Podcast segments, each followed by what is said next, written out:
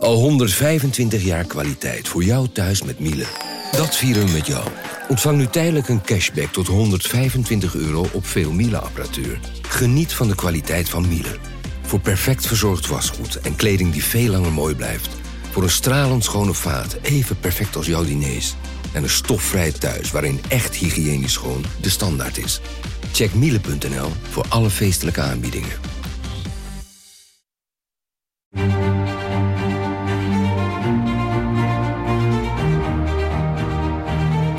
Naam is Lemja Aharouai en dit is Haagse Zaken Goes Brexit.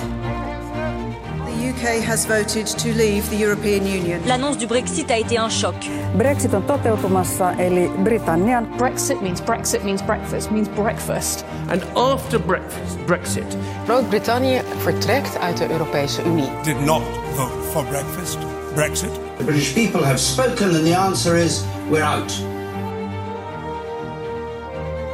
Het is 24 juni 2016, 5 uur in de ochtend. Well, at 20 minutes to five, we can now say the decision taken in 1975 by this country to join the common market has been reversed by this referendum uh, to leave the EU. This, we are absolutely clear now that there is no way that the Remain side can win. It looks as though the gap's going to be something like 52 to 48, so a four point lead for leaving the EU. And that's the uh, result of this referendum, which has been preceded by weeks and months of argument and dispute and all the rest of it. The British people have spoken, and the answer is we're out. Dit is de Britse journalist David Dimbleby. De stemmen van het referendum waarin de Britten zich uitspraken over uittreding uit de EU zijn op dat moment geteld. En iedereen in het Verenigd Koninkrijk weet, we gaan eruit. Uit de Europese Unie. Een beslissing die Europa op dat moment schokt. Maar eigenlijk, als je het in een historische context plaatst, niet zo heel verrassend is. En daar gaan we het vandaag over hebben in Haagse Zaken. Iets anders dan dat je van ons gewend bent. Bij mij aan tafel vandaag geen politiek redacteuren, maar met drie generaties NRC-correspondenten in het Verenigd Koninkrijk. Je hoort zo wie het zijn, maar eerst even dit. Deze aflevering is onderdeel van een serie die je in een aantal delen voorbereidt op de definitieve Brexit in maart volgend jaar. En zoals altijd doen we ons best bij Haagse Zaken om je het hele verhaal te vertellen. We beginnen dus ook echt bij het begin in het Verenigd Koninkrijk. Om geïnformeerd te zijn namelijk over die brexit, de invloed op Europa, de Britten zelf en eh, Nederland natuurlijk. Is het belangrijk om eerst de geschiedenis te snappen. De komende tijd kun je op onregelmatige basis meer brexit afleveringen verwachten. Zodat we je alle lagen uit kunnen leggen. Over Europa bijvoorbeeld. En we zijn natuurlijk Haagse zaken. Dus uiteindelijk praten we je in de laatste brexit aflevering bij over Den Haag. Maar niet vandaag, aan tafel. Oud-correspondent, eh, ja, laat ik maar beginnen met jou, Hans Steketee.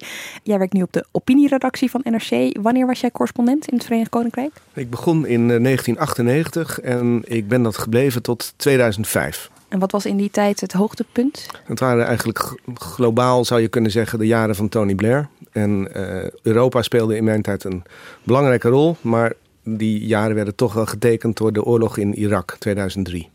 Tietje Ketelaar, jou kennen we natuurlijk al van Haagse Zaken. Maar je bent ook correspondent geweest in het Verenigd Koninkrijk van 2010 tot 2016. En dat was dus ook tijdens het moment dat er voor een brexit werd gestemd. Schreef je ook een boek over, Mind the Gap. En jij kan je dit nog heel goed herinneren, hè? Ik was die ochtend net wakker geworden na, denk ik, anderhalf uur slapen. En nog steeds, als ik dit fragment hoor, dat is kippenvel. Dat, het, is, het is historisch, niet alleen voor de Britten, maar voor de Europese Unie als geheel. En de huidige correspondent van het Verenigd Koninkrijk overgekomen voor Haagse Zaken, speciaal, Melle Garsgraag. Welkom. Dankjewel. Met de trein heb ik begrepen ook, hè? Ja, zeker. Dat is die nieuwe verbinding, de Eurostar. Ja, een kwartiertje fietsen naar, eh, naar het station, instappen. Eh, eerst even twee keer heel snel je paspoort laten zien en dan eh, lekker eh, in de trein zitten kijken hoe de Noord-Franse velden aan je voorbij schieten en een boek lezen. Maar Nog- eens met Titia, ik kreeg net ook kippenvel toen ik Dimbleby hoorde. Oh ja? Ja. Waar was jij op dat moment? Ik zat in Jakarta. Ik wist toen al wel dat ik... eh, ik was daar correspondent voor NRC. Ehm, ik wist toen al wel dat ik naar het Verenigd Koninkrijk zou verhuizen. Ehm, en ik eh, keek met vijf uur tijdsverschil in de loop van de ochtend naar de uitslagen. En ik kreeg een goed idee wat voor een soort correspondentschap ik te moet zou, zou treden. Chaos, spanning en sensatie. We beginnen bij um, afgelopen weekend. Want toen lag er een akkoord, een Brexit-akkoord, waar ook onze eigen premier op reageerde. Ik vind het uh, verlies van het Verenigd Koninkrijk echt slecht nieuws. Uh, altijd gevonden. Ik denk wel dat er nu een akkoord ligt wat de schade, zowel voor het VK als voor de Europese Unie die doorgaat, beperkt. Het blijft natuurlijk gewoon slecht nieuws. Maar het is wel een gebalanceerd pakket, denk ik, voor alle partijen echt in lijn met de rest van de Europese leiders uh, mellen. Alsof ze een soort van uh, tekst hadden gekregen die ze vooraf uh, moesten inzien. Ja, alsof ze allemaal hetzelfde velletje hadden gekregen. En het heel goed hadden, hadden ingestudeerd. Ja, wat, wat Rutte hier vertelt is... Ehm, ja, er is een akkoord. Er is een akkoord over hoe het Verenigd Koninkrijk uit de EU treedt. dat is een bindend akkoord. Er is ook een akkoord over hoe het Verenigd Koninkrijk in de toekomst gaat samenwerken met, met de EU. Ja, dat is nog een heel pril akkoord. Daar moeten ze de komende jaren nog, nog over verder praten. De komende weken worden zo ongelooflijk spannend in het Verenigd Koninkrijk. 11 eh, december moet het Lagerhuis stemmen over deze maatregelen, over dit pakket. Ja, en Theresa May heeft vooralsnog gewoon geen steun in het Lagerhuis. En de, de crisis uh, waar de Britse politiek op afstevend. Ja, je kan het alleen maar vergelijken met uh, de aanloop naar de Irak-oorlog of, of de Suez-crisis. Echt een moment uh, dat de Britse geschiedenis kan doen kantelen. Wow, dat zijn nogal wat uh, vergelijkingen. Titia, doet het je daar ook aan denken? Ja, zeker. Dit is dit, wat ik al zei, dat kippenvelmoment van uh, uh, 24 juni 2016. Dat is eigenlijk niet overgegaan. Sindsdien is er zoveel aan de hand in de Britse politiek met het land zelf. Um, ze weten niet waar ze heen gaan. En wat er de komende dagen gaat gebeuren, kan alles bepalend zijn. Hans, jij zat er tijdens de Irak-oorlog. Hè? Dus uh, als ik iemand moet vragen, doet het denken aan, uh, aan die tijd, dan ben jij het wel. Ja, dat was heel heftig. Alleen ik denk dat het toch nog een categorie minder was dan wat uh, de Britten nu overkomt. Titia noemde Suez-crisis. Dat was het moment waarop de Britten een toontje lager moesten zingen. De Fransen ook trouwens in het Midden-Oosten. En eigenlijk toen in één klap de illusie werden, werd afgepakt dat ze nog een wereldmacht waren. Toen werd het land werd in één klap geconfronteerd met het idee dat het gewoon een, een, middelgroot Europees land was in plaats van een, uh, van een wereldmacht. Dus dat was een existentiële crisis. Irak was een ernstige crisis, maar niet zo existentieel als deze Brexit, denk ik.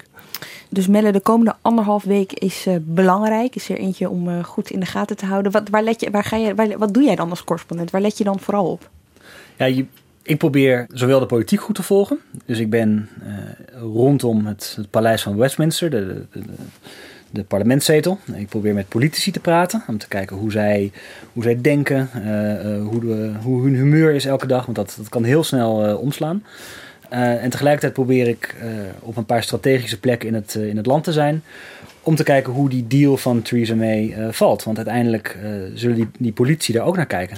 Als er steun groeit voor, of toeneemt voor die deal, ja, dan, dan zou je nog wel kunnen zien dat in de komende anderhalve week ehm, de politiek toch omslaat. Um, Wat dus betekent dat? Wat betekent omslaan? Wat betekent omslaan? omslaan betekent dat er op dit moment absoluut geen meerderheid is om deze deal erdoor te krijgen. Volgens mij zijn er, komt ongeveer 100 lagerhuisleden tekort. Er zitten 650 in totaal, dus dat is, dat is nogal wat. Maar als die lagerhuisleden merken dat hun kiezers deze deal toch wel zien zitten, ja, dan kunnen ze van mening veranderen. En dan kan je toch hebben dat op die hele belangrijke stemming op 11 december, uh, dat Theresa May toch een, een nipte meerderheid eraan overhoudt. En, ja, en, en, dan is, is haar plan geslaagd. Um, wat, wat nog interessant is, Melle zegt, die politici gaan letten op wat er in het land speelt. Anders dan hier in Nederland hebben de Britten een, een, een kiesdistrictenstelsel. Dus lagerhuisleden, de parlementariërs, gaan iedere vrijdag terug naar hun eigen kiesdistrict. En hebben dan iets wat een surgery heet, een spreekuur. Wat niks met de operatie te maken heeft. niks met de operatie te maken, inderdaad. en daar horen ze gewoon de alledaagse problemen van hun kiezers aan. En als ze daar dus horen, maar wij willen eigenlijk liever deze deal dan een no-deal, want dat zijn eigenlijk de twee smaken die nog over zijn. Dan zouden ze wel eens, tegen, zouden ze wel eens voor deze deal kunnen gaan stemmen. Want een no-deal, dat is echt bescheiden keihard. Het is inderdaad als een scheiding. Twee partijen die uit elkaar gaan, een man en vrouw die uit elkaar gaan en uh, de boedel wordt verdeeld. En als je er niet uitkomt, ja, dan scheurt het gewoon heel hard. Wie Haagse zaak luistert, die uh, weet inmiddels veel over uh, Haagse politiek, maar die weet niet per se heel veel over uh, de situatie in het Verenigd Koninkrijk. Um, het partijstelsel is er niet zoals hier en de relatie met de rest van Europa is ook heel anders dan dat van Nederlands. De belangrijkste term om hem maar meteen te introduceren is het eilandgevoel van de Britten. Dat kleurt zo'n beetje al hun beslissingen. En om dat gevoel op een goede manier uit te leggen, moeten we eigenlijk Hans de geschiedenis in. Het kan niet anders. En ver terug de tijd in ook echt best wel.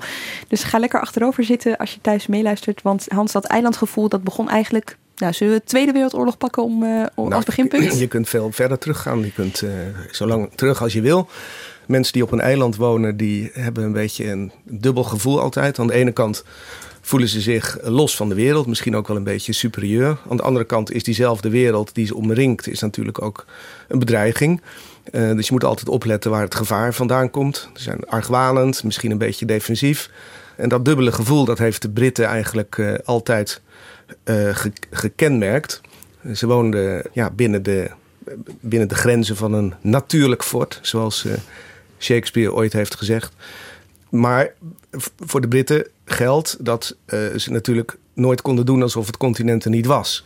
En als je in de geschiedenis terugkijkt, dan zijn er perioden waarin ze zich heel erg bemoeid hebben met het continent. Eerste Wereldoorlog, Tweede Wereldoorlog. Er zijn honderdduizenden Britten in Frankrijk en eh, de loopgraven van Vlaanderen gestorven voor de vrijheid van Europa, omdat het ze, ze aanging. En als je, je, je kunt nog veel verder teruggaan. 1815, Napoleon werd verslagen bij Waterloo onder leiding van generaal Wellington. Het was ook zo'n moment van uh, betrokkenheid bij het continent. En er zijn eerder ook dat soort momenten. Maar steeds zie je dat er na zo'n periode van betrokkenheid... dat er een periode van terugtrekking is. Isolement, zo je wil. En na Waterloo was er, noemden ze dat zelf ook splendid isolation. We trekken het is dus ons terug. een soort van golfbeweging. Dus het gebeurt. Dus... Het is een golfbeweging. Ja. En ja, ook als Brexit nu betekent een terugtrekking, dan zou je nog kunnen zeggen dat uh, later er weer een soort toenadering komt, omdat de geschiedenis dat, uh, dat wil. Maar goed, voor nu is er die, die terugtrekking. En je noemde net de, de Tweede Wereldoorlog. Dat was natuurlijk, toen werd de zaak wel heel erg op scherp gesteld. Heel Europa werd uh, onder de voet gelopen door Hitler. En de Britse eilanden waren letterlijk het laatste stukje dat niet bezet was. Het stond er echt heel slecht voor. De Britten hadden, hadden zich teruggetrokken bij Duinkerken, hadden al hun wapens achtergelaten. Er waren eigenlijk geen soldaten, ze waren onvoorbereid. Uh, Londen werd dag en nacht gebombardeerd in de Blitz. Uh, de Battle of Britain speelde zich af, grote luchtgevechten. En de Britten stonden min of meer met, met lege handen. De Amerikanen waren nog niet in de oorlog betrokken, dat zou nog meer dan een jaar duren. En degene die ze daar door heeft gesleept was Winston Churchill met zijn retoriek, met die prachtige redenvoeringen die, uh, ik heb jullie niets te bieden behalve blood, sweat en tears. En als we het hebben over dat eilandgevoel tijdens de Tweede Wereldoorlog, dan is er eigenlijk een nummer waar je aan moest denken. Ah, nou ja, dan heb je natuurlijk, dat kan niet zonder de stem van Vera Lynn. En uh, het nummer is, uh, wat ik bedoel was, There'll be bluebirds over the white cliffs of Dover. En de krijtrotsen van Dover, die zijn natuurlijk de grens. En ooit zingt ze, de Britten moed uh, toe en, en hoop toe. Ooit zullen er weer zwaluwen boven de White Cliffs of Dover zweven. There'll be bluebirds over the white cliffs of Dover tomorrow. Just you and see. There'll be love and laughter and peace ever after tomorrow when the world is free. Okay, dus dit vertolkt dat eilandgevoel de Britten tegen de rest van Europa. Ja, het laatste bastion van vrijheid in Europa. Uh, een baken van vrijheid voor de rest van de wereld. Ook een beetje een verheven zij. Ja, tegen het is wij. nostalgie, troost, eh, wij tegen zij. Ja, dat zit, er, dat zit er allemaal in. Maar het is natuurlijk echt om de burgers moed te geven, soldaten over zee hoop te geven. Ja, ja. Maar het speelt nog steeds, het, het, het, speelt door. Hè? Dat gevoel van wij stonden alleen in de oorlog, wij lieten ons niet veroveren. Tijdens de campagne voor de brexit hoorde ik heel vaak mensen tegen mij zeggen... maar wij willen niet door de Duitsers geregeerd worden. Wij willen niet dat Angela Merkel onze baas is. Dat, dat idee dat zit op een, op een gegeven moment in je DNA. Eh, dus um, het speelt, dat oorlogsgevoel dat speelt wel degelijk nog steeds mee.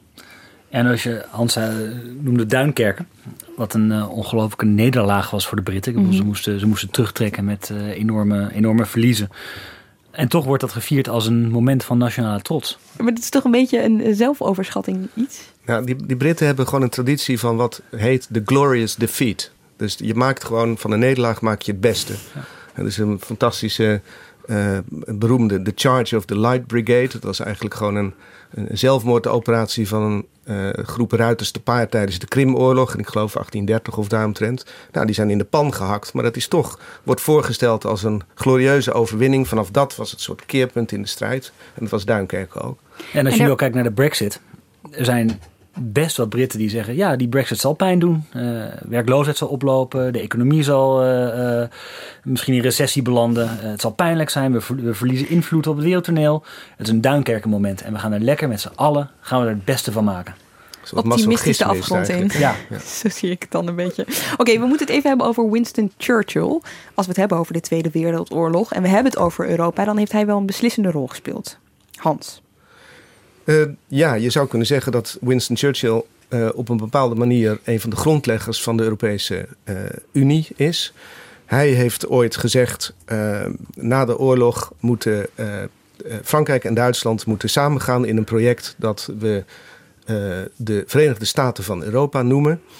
En, want dat zijn de twee aardsvijanden die elkaar twee wereldoorlogen lang naar het leven hebben gestaan. Dat mag nooit meer gebeuren. En dan moeten ze samenwerken in een geheel dat belangrijker is dan de individuele onderdelen daarvan. I'm now going to say something that will astonish you. The first step in the recreation of the European family must be a partnership between France and Germany. In this way only can France recover the moral and cultural leadership of Europe. There can be no revival of Europe without a spiritually great France and a spiritually great Germany. The structure of the United States of Europe, if well and truly built, will be such as to make the material strength of a single state less important. Ja, dat was 1946 in uh, Zurich, waar uh, Churchill sprak. Je hoort trouwens hoe die, uh, hij stotterde in een vroege leven, hoe hij dat nog steeds aan het overwinnen is. En hij oefende die toespraken urenlang voor de spiegel tot hij elke lettergreep goed had. Ook zo mooi dat family, niet family, maar family. Ja, dat is fantastisch. Maar hij wist het wel om te buigen, dat stotteren naar iets echt heel gedragen ja. voorlezen. Ja, ja, Dat, is, dat is fantastisch. En, en, maar je moet hem dus echt, hem horen is eigenlijk nog mooier dan hem, uh, hem lezen. Heel bijzonder. Dus de retoriek was zijn enige wapen, werd wel gezegd. Maar hij heeft het dus wel over de United States of Europe. Dus eigenlijk een een, een, land daarin maakt hij minder belangrijk.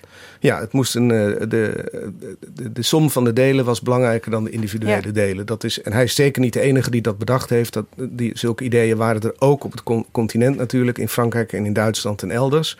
Maar dit is één vroeg moment van iemand die het verwoord heeft. Dus je kunt gewoon zeggen dat de Britten in de, in de vorm van, of in de persoon van Churchill, aan de wieg gestaan hebben van het grote Europese project. Nog één stukje Churchill. In all this urgent work, France and Germany must take the lead together.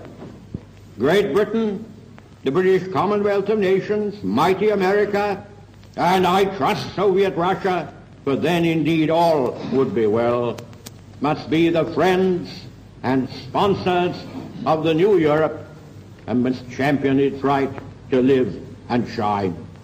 And therefore I say to you, let Europe arise. Flink applaus. De goede verstaander hoort hem hier dus zeggen: Groot-Brittannië is een sponsor van deze ja, vereniging zou je het kunnen noemen. Dus geen deel ervan. Hij zet, zich, hij zet eh, eh, Groot-Brittannië eigenlijk aan de zijlijn. Ja, dat is de, de typisch de, de, Britse houding van toen en, en up to point eigenlijk nog steeds. Wij wensen Europa het allerbeste toe.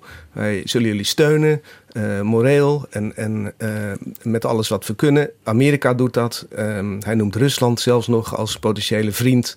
Maar we, willen, we zijn sponsor, maar we willen er zelf geen deel van uitmaken. En je zou kunnen zeggen dat een deel van alle misverstanden die nu nog bestaan, die, die zou je hierin kunnen zien. Hij zegt: uh, het is in ons belang dat Europa één geheel wordt. Uh, en tegelijkertijd hebben we daarna gezien, als Europa te succesvol wordt, dan zien de Britten dat weer als een bedreiging van hun eigen belangen. Maar zit hier ook niet heel erg een, ook een waarschuwing in? Want hij zegt, I trust Soviet Union. Waarin eigenlijk wel duidelijk wordt dat hij dat helemaal niet vertrouwt. En dat hij eigenlijk Europese samenwerking ook ziet als een, als een uh, balancerende factor om uh, ja. een, een, balans uh, op het continent te creëren.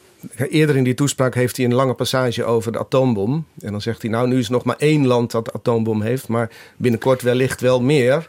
Overigens zouden de Britten zelf ook vrij snel de atoombom hebben. Maar dat is echt het begin van de Koude Oorlog. Dus hij weet al dat de Russen wel degelijk aan een andere kant zullen, zullen staan. Ik, het is meer, denk ik, beleefdheid dat hij dit zegt dan. Uh... En is het uh, nog even over de context van die tijd? Hè? Dus de tijd waarin Churchill ineens begint over een verenigd Europa. Ze, ze, zijn dan. Um, dit is de periode waarin ze hun koloniën natuurlijk allemaal kwijtraken. Met andere woorden, ze moeten het ineens van zichzelf hebben. Dat gaat dan langzaam gebeuren. Um, Elisabeth werd in 48 werd ze, uh, sorry, in 52 werd ze koningin. En vanaf dat moment zijn inderdaad één voor één al die koloniën weggevallen. Uh, het was een, een, een, wereldmacht waar, zoals ze zeiden, aan het eind van de 19e eeuw de zon nooit onderging. En dat zie je na de Tweede Wereldoorlog um, langzaam afbrokkelen. Ja, er woonden 800 miljoen mensen in het uh, voormalige Britse Rijk. En dat uh, kalfde successievelijk af. De grote landen, uh, zoals Canada en, en, Australië, die waren al India. voor de Eerste Wereldoorlog, denk ik, afgevallen. Mm -hmm. En uh, na de Tweede Wereldoorlog ging het keihard met Afrika en India, zoals Titia zegt. En je moet ook niet vergeten dat daardoor de, de Britse economie ook veel kleiner werd. toen ze nog een, een, wereldmacht waren, iets van een kwart van de wereldhandel was, was Brits. En dat was net op een moment dat Europese integratie een beetje, een beetje begon. Uh, en die twee ontwikkelingen die lopen eigenlijk uh, parallel. Het Verenigd Koninkrijk wordt minder belangrijk uh, omdat die, de status van, van empire -hmm. verdwijnt. Dus de economie wordt kleiner. De, de rol van het Verenigd Koninkrijk als handelsnatie wordt kleiner. En tegelijkertijd gebeuren er mooie dingen daar op het Europese vasteland. Als je economisch bekijkt. Ja, dus hè, dat is goed om te weten als je Churchill die, die woorden hoort zeggen. Hij zegt ook ergens anders, dat vond ik wel tekenend. We are with Europe, but not of it. Dus dat geeft wel aan wat voor rol ze voor zichzelf zien. Maar uiteindelijk, begin jaren 60, willen de Britten wel lid worden. En dit was hun gedachte. Um, we gaan even luisteren naar uh, Yes Minister. Ik heb me laten horen, dit is dus een persiflage, even voor duidelijkheid. Uh, ik heb me laten vertellen dat dit uh, een van Rutte's favoriete Engelse series is. Dus hou dat in je achterhoofd. Britain has had the same foreign policy objective for at least the last 500 years. To create a disunited Europe. In that cause, We have fought with the Dutch against the Spanish, with the Germans against the French, with the French and Italians against the Germans, and with the French against the Germans and Italians. Divide and rule, you see. Why should we change now, when it's worked so well? Ancient history, surely. Yes, and current policy. We had to break the whole thing up, so we had to get inside. We tried to break it up from the outside, but that wouldn't work. Now that we're inside, we can make a complete pig's breakfast of the whole thing.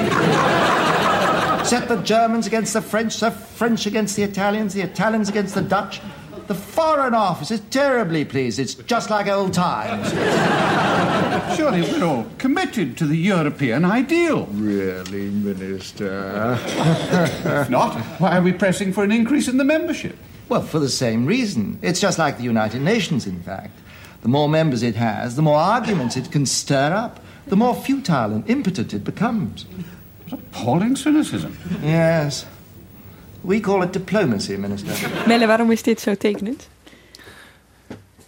Omdat het toch ergens de, de Britse strategie in de Europese Unie wel uh, vertolkt. Uh, de Britten waren ook altijd voorstander van, van, van Turkse toetreding bijvoorbeeld. Een, een grote Europese Unie uh, zorgt ervoor dat je uh, misschien macht minder uh, concentreert. Dat Frankrijk en Duitsland minder machtig zijn. Dat je een, een verbond krijgt van staten in plaats van een, een federalistisch Europa.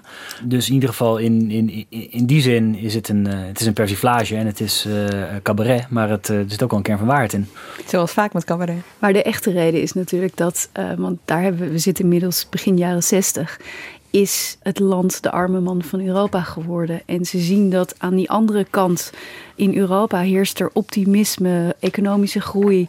Opeens was dat vasteland was iets positiefs. En bij hen ging het slecht. Um, dus, dus die golfbeweging, hè, waar die golfbeweging. Ze zagen op een gegeven moment geen andere uitweg meer dan lid worden.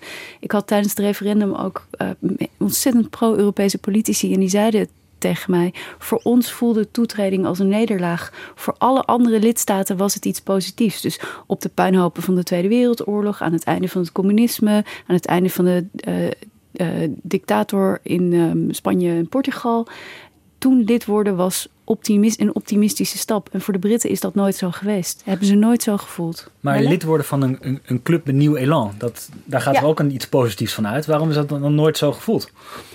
Omdat ze ook lid werden van een club waarvan de regels al bestonden. Ze hebben in het begin ook geprobeerd om die regels, eigenlijk vanaf het begin al die regels te veranderen. Er is een prachtige cartoon uit 1973, vlak voordat ze lid werden, waarin je alle politici, Europese politici, die zie je voetbal spelen.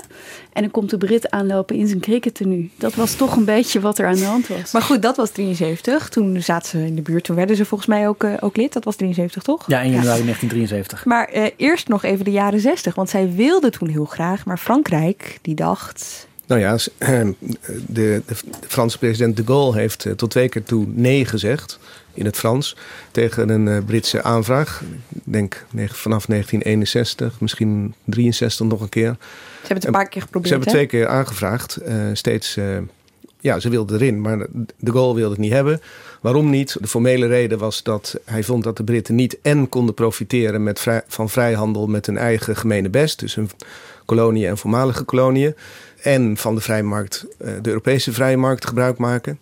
En de andere reden was natuurlijk dat hij de Britten beschouwde als het, uh, een soort zetbaas van de Amerikanen. Dat hij een soort van uh, Trojaans paard, Amerikaans Trojaans paard de Europese Unie uh, binnenhaalde. Dan zijn we weer bij, die, bij de Yes Minister aflevering. Vernielen van binnenuit. Dus het lukte ze niet. Ze probeerden twee keer, het lukte ze niet. Steeds die no van de Gaulle. maar toen ging hij dood, de Gaulle. En de toen kon het ineens wel. stierf in uit mijn hoofd 1970. Ja. In 1973 uh, eh, traden de Britten uh, toe, maar het was net als nu eigenlijk een verdeeld land. Overigens toen waren de, was de conservatieve partij, die zat in de oppositie, die was pro-Europees. Vrije handel, uh, vrije markt, dat waren allemaal dingen waar de conservatieve partij voor was. En Labour was anti-Europees, ook omdat de Tories de voorwaarden waarschijnlijk. Maar in ieder geval die vrije markt, dat stond niet hoog in het vaandel van, van Labour. Het land was verdeeld en ook toen is er een referendum gehouden. En dat was in 1975. Eh, de toenmalige partijleider was Margaret Thatcher. En dat referendum dat is geëindigd in een uh, ja. Dus het, lidmaatschap, het Britse lidmaatschap van de Europese Unie werd bevestigd op dat moment. Dat is wel heel grappig als je nu uh, nieuwsreportages of televisiereportages uh, van toen terugkijkt. Het is echt exact hetzelfde als van de afgelopen jaren. Now the terms of entry are known. Now MPs can consult their constituents. What do minds say to me? What is it going to cost us? This is a point we've got to ask. What is our cost of living going to be like? And there's no use having a thousand pound a week if it's going to cost you, cost you 900 to live off it.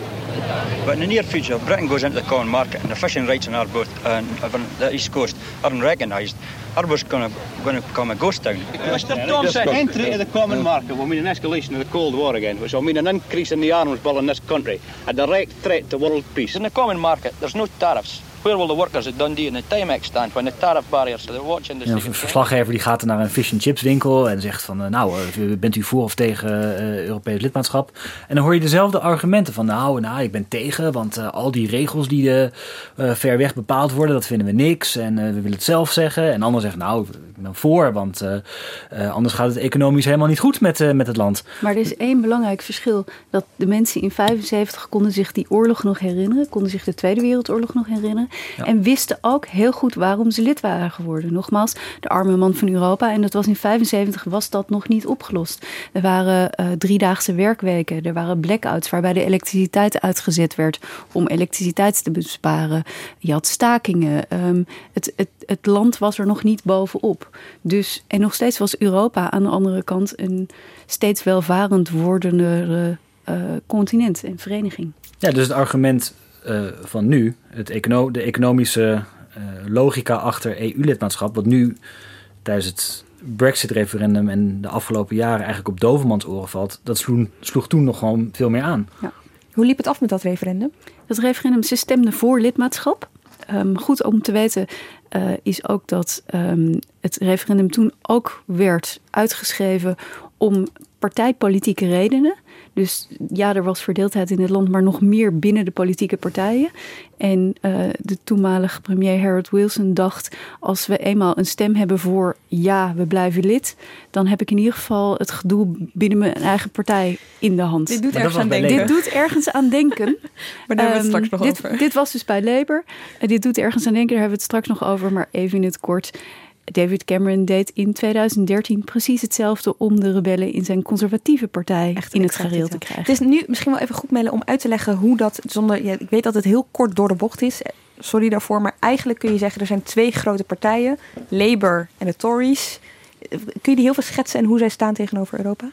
Dat verschilt heel erg. Um, welke periode in, in, in de afgelopen 30, 40 jaar je neemt. Maar je kan, je kan in ieder geval zeggen dat die twee partijen uh, allebei uh, redelijk verdeeld zijn over Europa. Um, ze hebben verschillende stromingen binnen de partij. En welk standpunt de, de partijtop uh, aanhing, hing er maar net vanaf welke stroming op dat moment dominant was. Dus je ziet uh, de Britse politiek worstelen met, met Europa. Uh, je ziet uh, Europa steeds terugkomen in, in de verkiezingen als een belangrijk onderwerp. Er zijn meerdere premiers gesneuveld op het onderwerp Europa. Maar je ziet ook die partijen onderling ontzettend verdeeld over Europese integratie. Nou, als, als voorbeeld van hoe die, um, hoe, hoe die partijen eigenlijk onderling verdeeld zijn. schiet me nou een, een oude anekdote te binnen over Churchill. Of het waar is, weet ik niet, maar het is in ieder geval een heel goed verhaal dat hij een keer een, een uh, stagiair of een, of een nieuw Kamerlid het uh, Britse lagerhuis liet zien. En je weet, dat zijn twee tribunes die tegenover elkaar staan, want het hele uh, lagerhuis dat is gebaseerd op het conflictmodel. En die, die stagiair die wijst naar de overkant en die zegt dan tegen, tegen Churchill: Oh, daar zit dan dus de, de vijand. En Churchill die denkt even na en zegt dan: No, that would be the opposition. De vijand die zit achter je rug. Zij de man die meerdere malen van partij wisselde. Nou, dat hangt misschien ook wel weer samen met het feit dat je die twee grote partijen hebt. In Nederland heb je een spectrum van weet ik veel hoeveel partijen, meer dan tien. Dus voor elke politieke opvatting is wel een partij. Mm -hmm.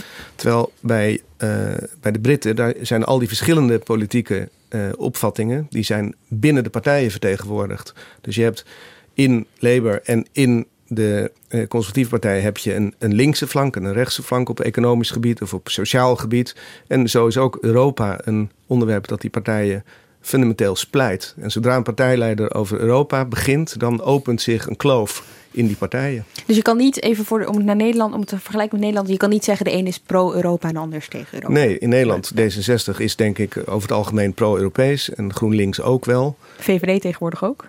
Ja, en de PVV niet. Maar dat loopt, zo'n scheiding loopt binnen de, de, de grote blokken in. Okay. Uh, en, en goed om te zeggen is dat ook als wij het over grote blokken hebben. Er zitten dus 650 lagerhuisleden in het parlement.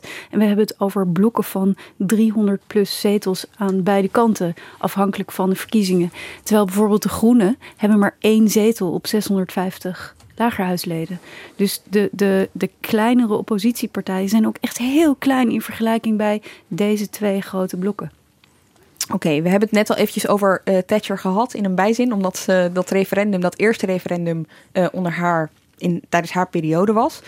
Um, was zij een pro-Europa-leider, als we het toch hebben over verschillende golven? Als je naar die campagne van 1975 krijgt, er is een schitterende foto van Thatcher met een trui aan, een blauw, Europees blauwe trui met alle vlaggen van de Europese lidstaten.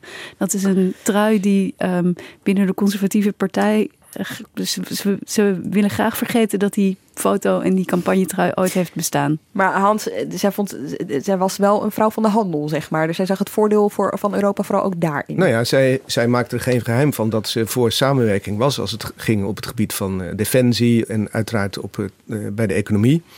En zij heeft geen oog gehad voor het politieke project dat Europa ook was. Of ze heeft daar stiekem een beetje uh, voor opzij gekeken. Maar het is dat, dat politieke project, de Ever Closer Union, dat kwam natuurlijk steeds dichterbij. Europa was ook een kwestie van, van uh, ja, staatvorming. En uh, toen dat tot het doordrong, toen, uh, toen is ze eigenlijk pas is ze anti-Europees geworden. Of in ieder geval dat niet meteen, maar toen is de euroskepsis toegeslagen. En dat werd aan het eind van haar periode als premier werd dat behoorlijk schril nog even, voordat we aan het einde van haar periode komen, nog eventjes. Hè, zij zag eigenlijk in Europa, dus hè, die, die, die handel, dat zag ze heel graag.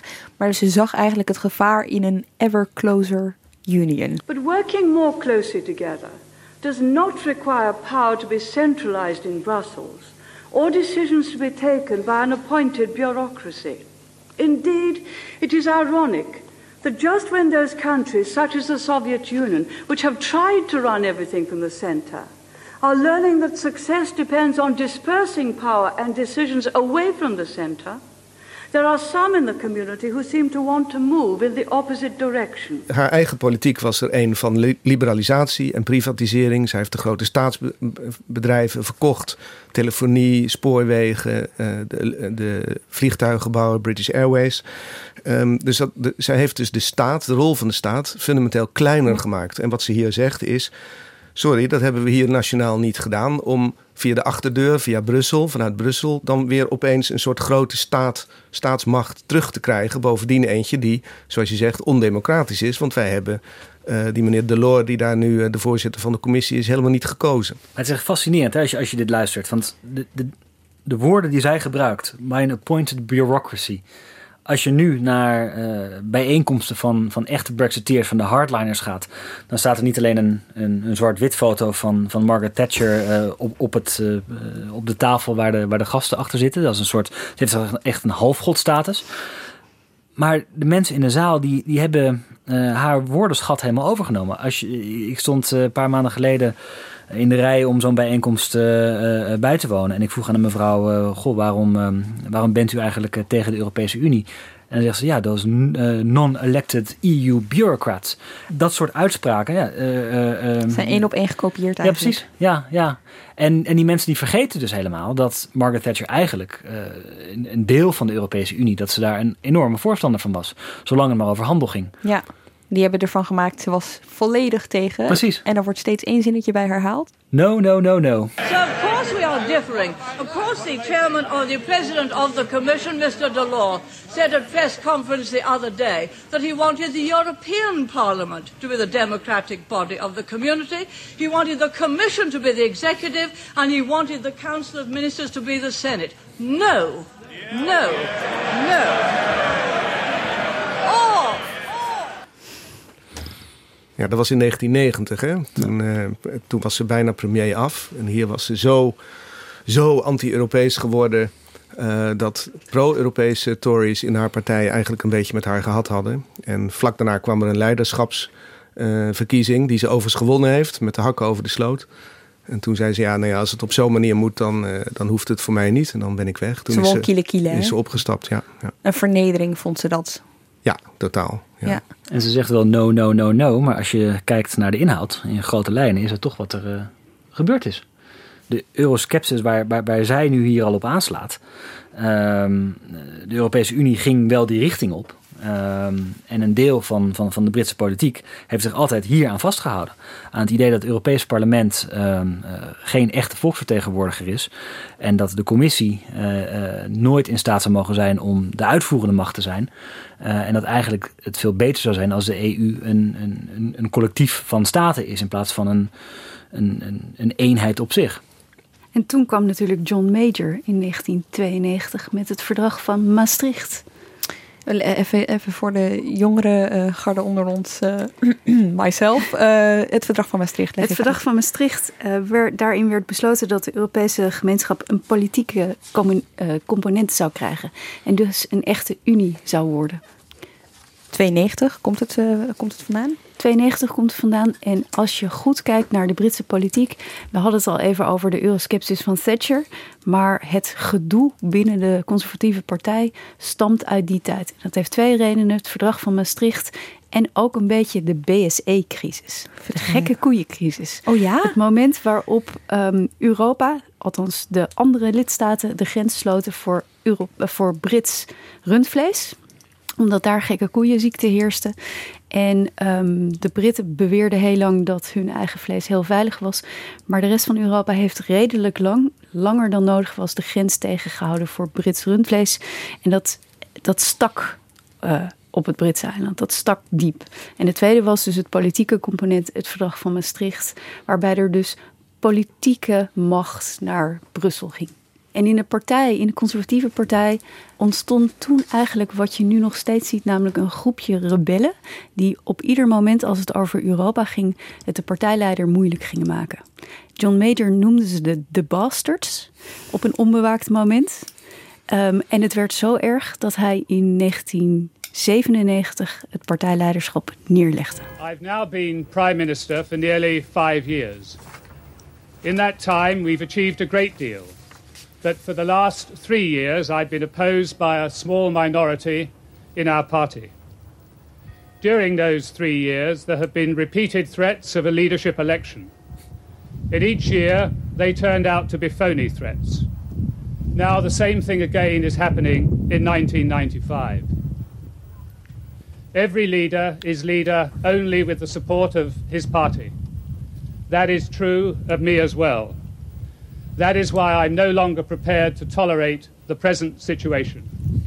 In short, it is time to put up or shut up. Melle fluistert het mee, je kent dit uit je hoofd. Nou ja, dit is de afgelopen dagen, uh, afgelopen weken moet ik eigenlijk zeggen, is dit zo vaak herhaald. Want Theresa May heeft de afgelopen weken met exact hetzelfde te maken gekregen. Een, een kleine groep uh, binnen haar partij die zegt: je moet weg, uh, we hebben geen vertrouwen meer in je, jouw Brexit-plannen zijn prut. Uh, en zij deden zich groter voor dan ze uiteindelijk waren, want ze zeiden: we zijn met genoeg om Theresa May naar huis te sturen. Nou, dat was niet zo. En de politieke analyses in Londen uh, klonken dat Theresa May zou een, een toespraken maken, zou ehm, deze harde Brexiteer voor het blok zetten en zou zeggen put up or shut up. En vooralsnog is het meer shut up dan put up. Ja, Theresa May zit er dan ook gewoon nog. Major, die stapte dus wel op. En wie nam het stokje van hem over?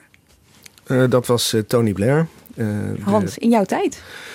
Nou, net voor mijn tijd. Oh. Eén jaar voordat ik als correspondent begon, was Tony Blair premier geworden. Voor het eerst sinds lange tijd. En weer een Labour-premier. En er hing om hem wel een soort van ja, hoe moet je het zeggen, een soort aura. Uh, hij was wel zo de, de, de, de belofte van niet alleen van zijn eigen partij, maar ook eigenlijk wel van heel veel Britse kiezers in het midden. Mensen die eigenlijk een klein beetje uh, welvaart wilde, goede zorg, goed onderwijs. Dat waren echt onderwerpen waarop hij campagne heeft gevoerd. Hij heeft dus zijn partij, die heel lang onverkiesbaar was, naar het midden getrokken. En vooral ervoor gezorgd dat mensen niet afgeschrikt werden door een hard linkse agenda. En daardoor is hij premier geworden. Het woord Europa kwam in zijn campagne eigenlijk helemaal niet voor. Oh. Maar uh, ja, hij was een, een jong man, een jonge man, een jonge generatie. Veel vrouwen om zich heen in het kabinet. Die wacht even, met... wacht, die hebben een naam, hè? Dat had, dat had een naam. Uh, waren dat niet de Blair Babes? Ik heb net een foto gezien van hoe dat eruit zag. ik denk dat we in deze tijd zouden we daar echt een Lekker beetje veel schoudervullingen. Schoudervullingen zijn briljant. ja, dat was, nou ja, het was natuurlijk die tijd. En, uh, maar goed, er was ook, er hing, hing echt wel een buzz in, in Londen. Uh, er werd, nieuw, werd gebouwd, de, de, de, de, eeuwwisseling kwam eraan. Er was allerlei design, er gingen nieuwe restaurants open. Jamie Oliver was uit de, uh, uit de, de waskeuken tevoorschijn gekomen. Uh, die sfeer werd uh, oh ja, Cool Girls. Britannia genoemd. Dus er hing echt zo'n positieve sfeer. Er was zelfs een Italiaanse krant die kopte Tony Blair Superstar. Hij was echt zeg maar de, de Macron van 1998. Hij was pro-Europa ook wel. Hoewel hij daar niet echt campagne mee heeft gevoerd. Maar hij zei wel, eendracht maakt macht. We moeten samenwerken tegen die boze buitenwereld. Ja, in die zin, dat is, toen kon je dat niet zeggen, maar nu wel met een beetje uh, uh, in de achteruitkijkspiegel. In dat opzicht verschilde hij eigenlijk heel weinig van John Major. Zij, wist, zij vonden allebei dat je uh, met Europa moest je op een soort pragmatische manier omgaan. Je moest dat niet zien als een visionair project. Hm. Ze waren allebei wars van, uh, van, van een grote federale superstaat. Maar er zijn gewoon grote problemen in de wereld. Als het gaat om handelscontracten, als het gaat om militaire dreiging, als het gaat om, nou ja, daar denken we uh, nu aan, de klimaatproblematiek, mm -hmm. dat was toen nog ietsje minder. En dan kan je dat beter met z'n allen aanpakken dan als klein landje. Dus hij zag wel degelijk het belang van, uh, van samenwerking op Europees, op Europees gebied. En dan liefst zo groot mogelijke Unie. Hij maakte zich sterk voor uitbreiding. Uh, en hij heeft een beroemde toespraak gehouden in Warschau in 2000. Dus toen was hij twee jaar aan de macht. En toen zei hij: Europa moet geen superstaat worden, maar wel degelijk een supermacht. Maar als je nu luistert naar uh, wat, wat, wat, de critici uh, zeggen over Blair en zijn liefde voor Europa, dat hij op het punt stond om het Verenigd Koninkrijk bij de euro te rommelen.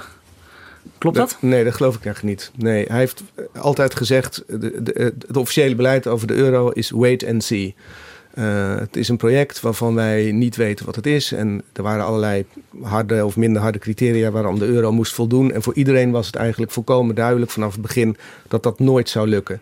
En uh, ja, dat is natuurlijk ook psychologisch. De Britten hadden een pond sterling. En om dat in te leveren, dat was een brug te ver. Maar er waren ook wel uh, ja, gerechtvaardigde economische bezwaren, denk ik. We hadden het er net al eventjes over. Hè? Het is iemand die in zijn beginperiode, Blair, uh, graag zijn hand uitstak. om maar bij de Hollandse politiek te blijven. naar uh, die andere Europese leiders. En wat daar wel tekenend voor is, is dat hij niet zo lang na zijn overwinning als premier in het Frans, soort van diplomatiek gezegd, het Franse parlement, de Senaat, toesprak. Mais je me à l'époque là, il y avait dans ce bar un pot, un pot commun. Et on m'a dit strictement qu'il fallait y mettre tous les pouvoirs. Au bout de deux mois, j'ai découvert que j'étais le seul à le faire. Ik kan niet helemaal begrijpen nee. of, of je hier nou wordt uitgelachen of toegelachen. Het is een soort oh la la Frans is het, hè? Ja. Maar, toch, ik bedoel, dit, dit is stenen comment. Uh, um, maar hij doet het wel. Maar hij doet het wel. Ja. En als je, als je, als je dat vergelijkt met, met, met de situatie van nu. Uh, Theresa May heeft één toespraak over de brexit uh, op het Europese vasteland gedaan. Dat was in Florence. Uh, daar was ik bij.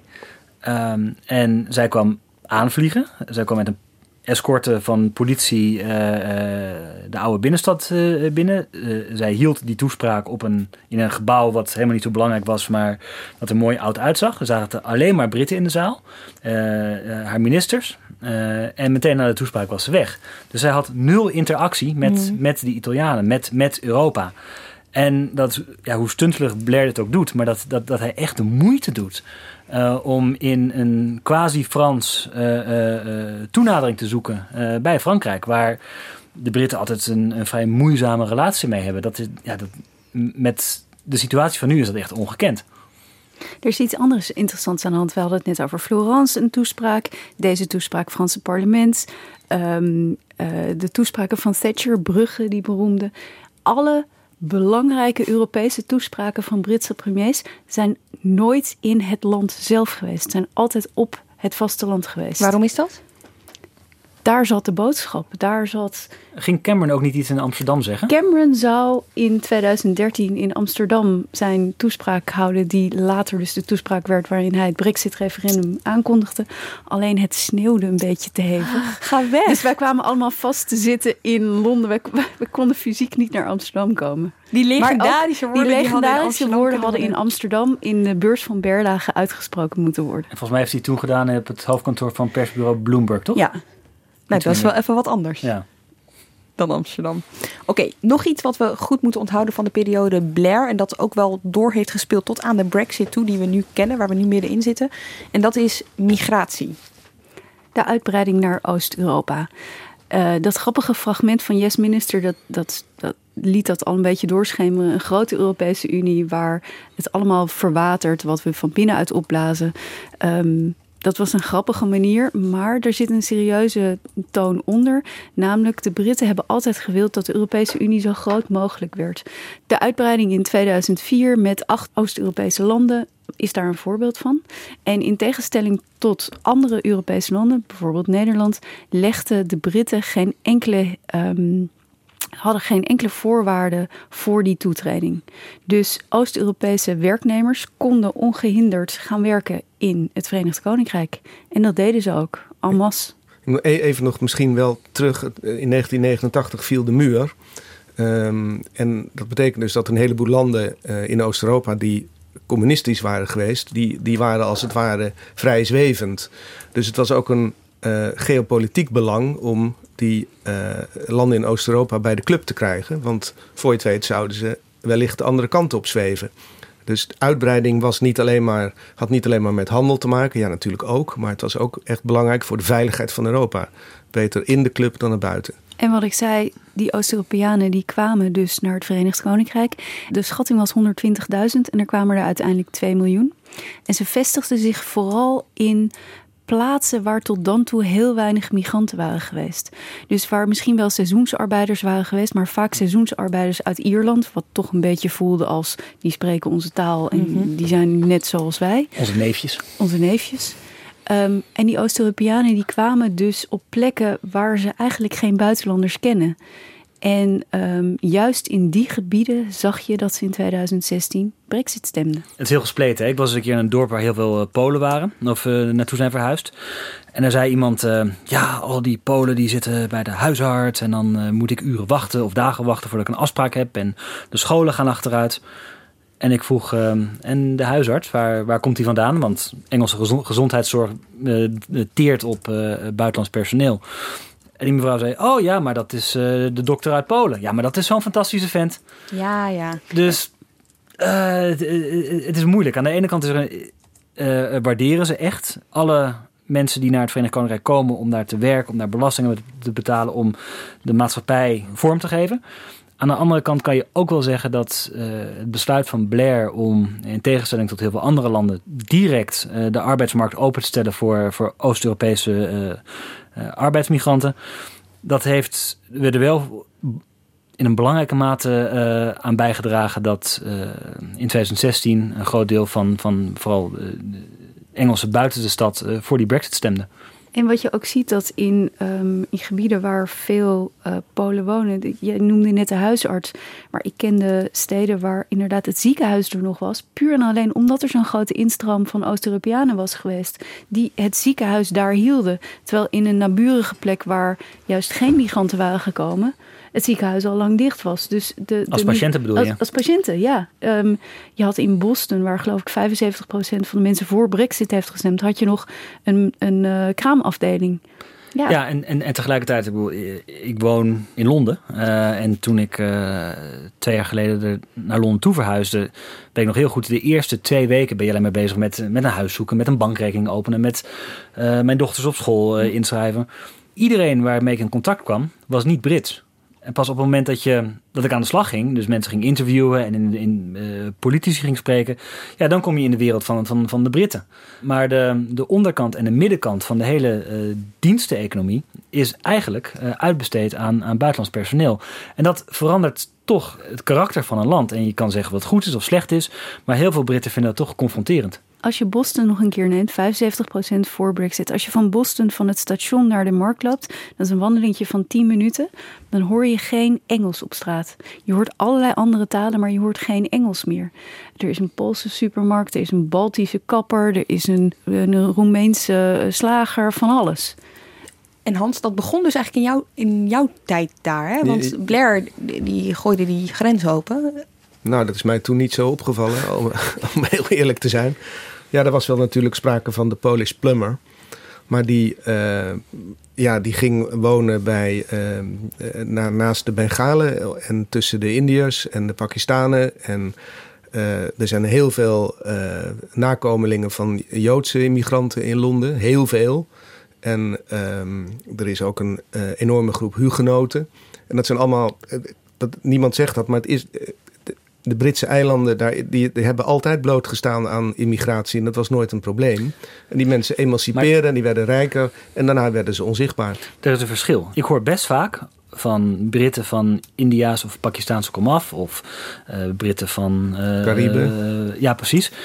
Zij komen uit landen die onderdeel waren van, van de empire. Zij zijn, uh, hebben een grote historische en culturele band met uh, met Britain, met, met, met, met, met het Verenigd Koninkrijk. En zij zien toch Nederlanders, uh, Fransen en uh, Polen en Roemenen als, hmm. als iets anders. Nou, dat weet ik niet. Ik bedoel, de, de terroristen van 2005 waren Pakistaanse jongens. En de Bengalen, die dus, de, zich afgescheiden hebben van, van Pakistan uh, zijn een notoor voorbeeld van uh, een groep die niet integreert. Dus, dus je kunt, je kunt, ja, je kunt het alle kanten op redeneren ja. eigenlijk. Maar er is een verschil. En het verschil gebeurde in de regeringsperiode van Cameron. Namelijk, hij gaf de belofte om migratie terug te dringen. En dat komt bij migratie vanuit alle landen behalve de Europese Unie. Europeanen hebben uh, recht op vrij reizen en dat deden ze. Maar Hans, jij, hebt het over de, over de Polish plumber, uh, de Poolse loodgieter. En ik had toevallig gisteren een gesprek met uh, een van de hoogste Britse diplomaten. En hij vertelde ook dit verhaal. En hij zei: Ja, maar wat, wat, wat vaak vergeten wordt, is dat voor deze migratiegolf had je de, de Britse loodgieter. En die was echt heel erg duur. En, uh, heel slecht. En heel slecht, want uh, als hij je toilet had gerepareerd, dan lekte het ding nog steeds. En Zo is met het. de Poolse loodgieter was het één goedkoper. En je was van je, je problemen af. Ja, dus dit, veel nieuwe uh, werknemers die voorzagen echt in een behoefte. Er was geen, geen echt fatsoenlijke timmerman meer. Maar die Tsjechen en Slowaken, die konden nog, die beheersten dat oude handwerk nog. En die zijn, die zijn rijk geworden in die jaren. Oké, okay. resumerend over deze eerste periode tot Cameron, zou ik maar zeggen, van ongeveer de oerknal tot Cameron. hebben we de geschiedenis uh, besproken. Um, zouden we kunnen zeggen, het anti-Europa en pro-Europa sentiment gebeurde in golven? Je had perioden van bemoeienis en afwijzing. Aantrekken, afstoten. Uh, aantrekken, afstoten, eigenlijk door de geschiedenis heen. In de volgende aflevering horen we meer over de periode van David Cameron tot uh, nu. De periode waar we nu in zitten. Van de brexit, van nou ja, hoe, Melle, hoe jij het noemde, de chaos. Dus wil je dat luisteren? Ga dan nu naar aflevering 2.